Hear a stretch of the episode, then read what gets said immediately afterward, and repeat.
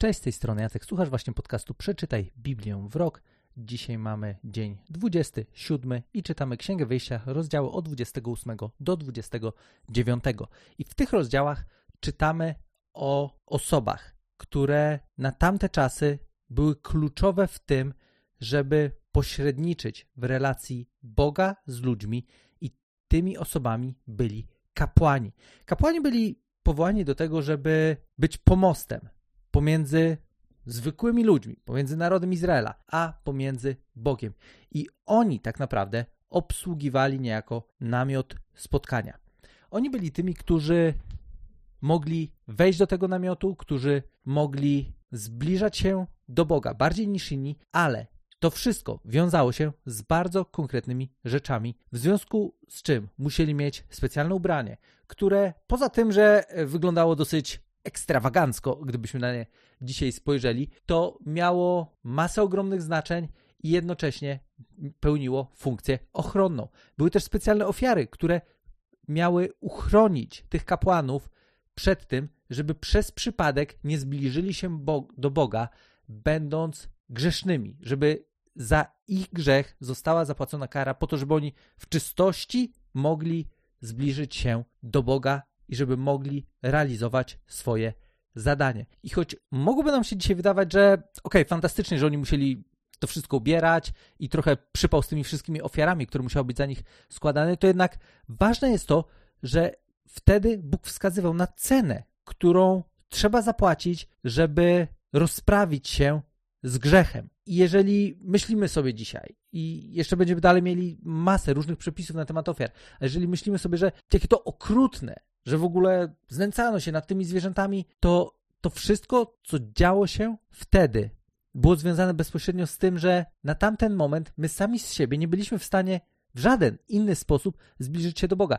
I to nie była wina tych zwierząt, to była wina nasza. To była wina człowieka, że doprowadził do miejsca, w którym Bóg musiał pokazać, jak odkupić człowieka, w jaki sposób zapłacić cenę za grzech, a tą ceną była krew. W tamtym przypadku, co prawda tymczasowa, ale ostatecznie Bóg już wtedy wskazywał na rozwiązanie, które przyniesie po to, żeby rozwiązać całkowicie problem grzechu i jednocześnie, żeby rozwiązać problem pośredników. No bo każdy z nas mógłby chcieć sam zbliżyć się do Boga. Czy mogę sam zbliżyć się do Boga? I są tacy, którzy mówią: Hej, ja nie potrzebuję nikogo, żeby zbliżyć się do Boga. Otóż potrzebujesz kogoś, żeby zbliżyć się do Boga. Jeżeli chcesz zbliżyć się do Boga, to potrzebujesz. Potrzebujesz mieć osobę, która pójdzie niejako przed tobą po to, żebyś ty, idąc śladami tej osoby, mógł zbliżyć się do Boga. I tą osobą jest właśnie Jezus Chrystus. Pierwszym liście do Tymoteusza, w drugim rozdziale, w wersetach 5 i 6 czytamy, że jeden jest Bóg, jeden też pośrednik między Bogiem a ludźmi, człowiek Chrystus Jezus. On siebie samego złożył na okup za wszystkich na świadectwo swoim czasom. To Jezus jest tą osobą, która sprawia, że dzisiaj przez Niego możemy zbliżyć się do Boga. I nie wymaga to już żadnych dodatkowych ofiar, nie wymaga to żadnych dodatkowych czynności z naszej strony poza z zaufaniem Jemu, poza złożeniem wiary w Jego osobę i życiem wiarą, życiem, którego źródło wypływa właśnie z osoby, która przyszła na ten świat po to, żeby pokazać nam, w jaki sposób mamy żyć. I tak naprawdę to Jezus wchodzi w rolę, o której dzisiaj czytamy w kontekście, w kontekście Aarona i jego synów. I kiedy znowu czytamy te opisy, to różne myśli mogą nam przychodzić do głowy ale ważne jest to, jest to obraz tego, co ma się wydarzyć. I obraz tego, że Bóg rozwiąże ostatecznie problem grzechu. W tamtym okresie historii świata to była jedyna opcja, z której można było skorzystać, ale w odpowiednim czasie Bóg przyszedł w osobie swojego syna po to, żeby samodzielnie rozprawić się z grzechem. I dzisiaj daje nam też wskazówki, w co takiego my możemy się ubrać. Tak jak mieliśmy synów Aarona, którzy mieli pewne specjalne ubrania po to, żeby móc zbliżyć się do Boga. Bóg też dzisiaj daje nam pewne wskazówki, w jaki sposób my powinniśmy chodzić ubrani. Jakkolwiek dziwne by się to nie wydawało. I czytamy o tym w liście do Kolosan, w trzecim rozdziale, w dwunastym wersecie, gdzie jest napisane: Tak więc, jako wybrani Boga, święci i umiłowani, przyodziejcie się w serdeczne miłosierdzie, dobroć, pokorę, łagodność, cierpliwość. Nie musimy tych cech ubierać na siebie po to, żeby zbliżyć się do Boga. Ale kiedy przez osobę Jezusa zbliżamy się do Boga, kiedy przez osobę Jezusa możemy doświadczyć Bożego przebaczenia, możemy doświadczyć usprawiedliwienia, to wtedy też zaczynamy życie świętości.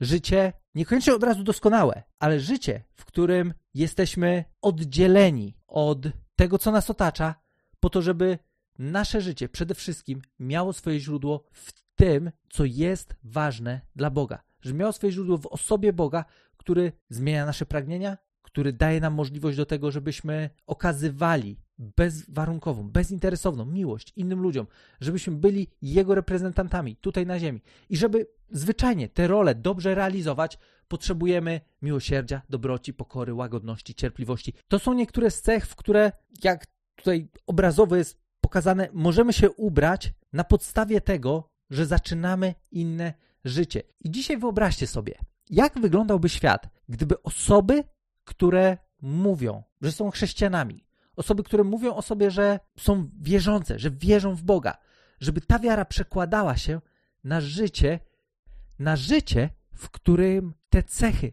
są właśnie tak bardzo widoczne, że wręcz osoby, które się z nami spotykają, mogły powiedzieć, że kurczę, jakby się w to ubrał, to po prostu to jest, to jest coś, co jest pierwszą rzeczą, którą widzę, kiedy się spotykamy. Tak jak spotykasz się ze znajomym, widzisz, jak on wygląda, widzisz, czy się y, ogarnął wizualnie z rańca, czy się nie ogarnął, czy ogarnął swoje włosy, czy nie, czy w ogóle zadbał o, swój, o swój wygląd. Widzisz to w jego ubraniu. Co by było, gdyby osoby, które deklarują wiarę, miały w swoim życiu tak wyraźnie wyeksponowane te cechy, że one wręcz wyglądałyby tak, jak ich ubranie. Prostu, kiedy widzisz człowieka, to nie zwracasz uwagi na to, jak on wygląda, ale zwracasz w pierwszej kolejności uwagę na to, jaki on jest jakie cechy biją z tego, w jaki sposób się odzywa do innych, w jaki sposób reaguje na trudne sytuacje, w jaki sposób traktuje innych ludzi. To jest coś, co jest dla nas, sądzę, ogromną inspiracją do tego, żeby zastanowić się na tym, czy to wid- widać dzisiaj w moim życiu, czy to są cechy, które faktycznie są tak integralną częścią mnie, że w sumie są trochę jak moje ubranie, że są tą pierwszą rzeczą, którą ludzie widzą w moim życiu. Mam ogromną nadzieję, że kiedy dalej będziemy odkrywać Biblię, że kiedy dalej będziemy odkrywać to, kim jest Bóg, kiedy będziemy go jeszcze lepiej poznawać, to to właśnie będzie mogło stać się rzeczywistością naszego życia. To, że nie tylko będziemy umieli coś opowiedzieć o swojej wierze, nie tylko będziemy umieli ją zadeklarować, ale przede wszystkim, że wiara w praktyczny sposób wpłynie na to, w jaki sposób żyjemy. Tego życzę nam wszystkim. Mam nadzieję, że po raz kolejny udało Wam się spojrzeć na życie, na Boga, na chrześcijaństwo z trochę innej perspektywy. Mam nadzieję, że było to dla Was inspirujące. Jeżeli chcielibyście dowiedzieć się więcej, porozmawiać, zapraszamy. bibliawrok.pl, trafcie na grupę na Facebooku. Tam rozmawiamy, zadajemy pytania, szukamy odpowiedzi i odkrywamy, w jaki sposób sprawić, żeby czytanie Biblii nie było tylko intelektualnym ćwiczeniem, ale żeby to było coś, co faktycznie sprawi na to, że będziemy funkcjonować inaczej. Tego życzę nam wszystkim i do usłyszenia już w kolejnym odcinku.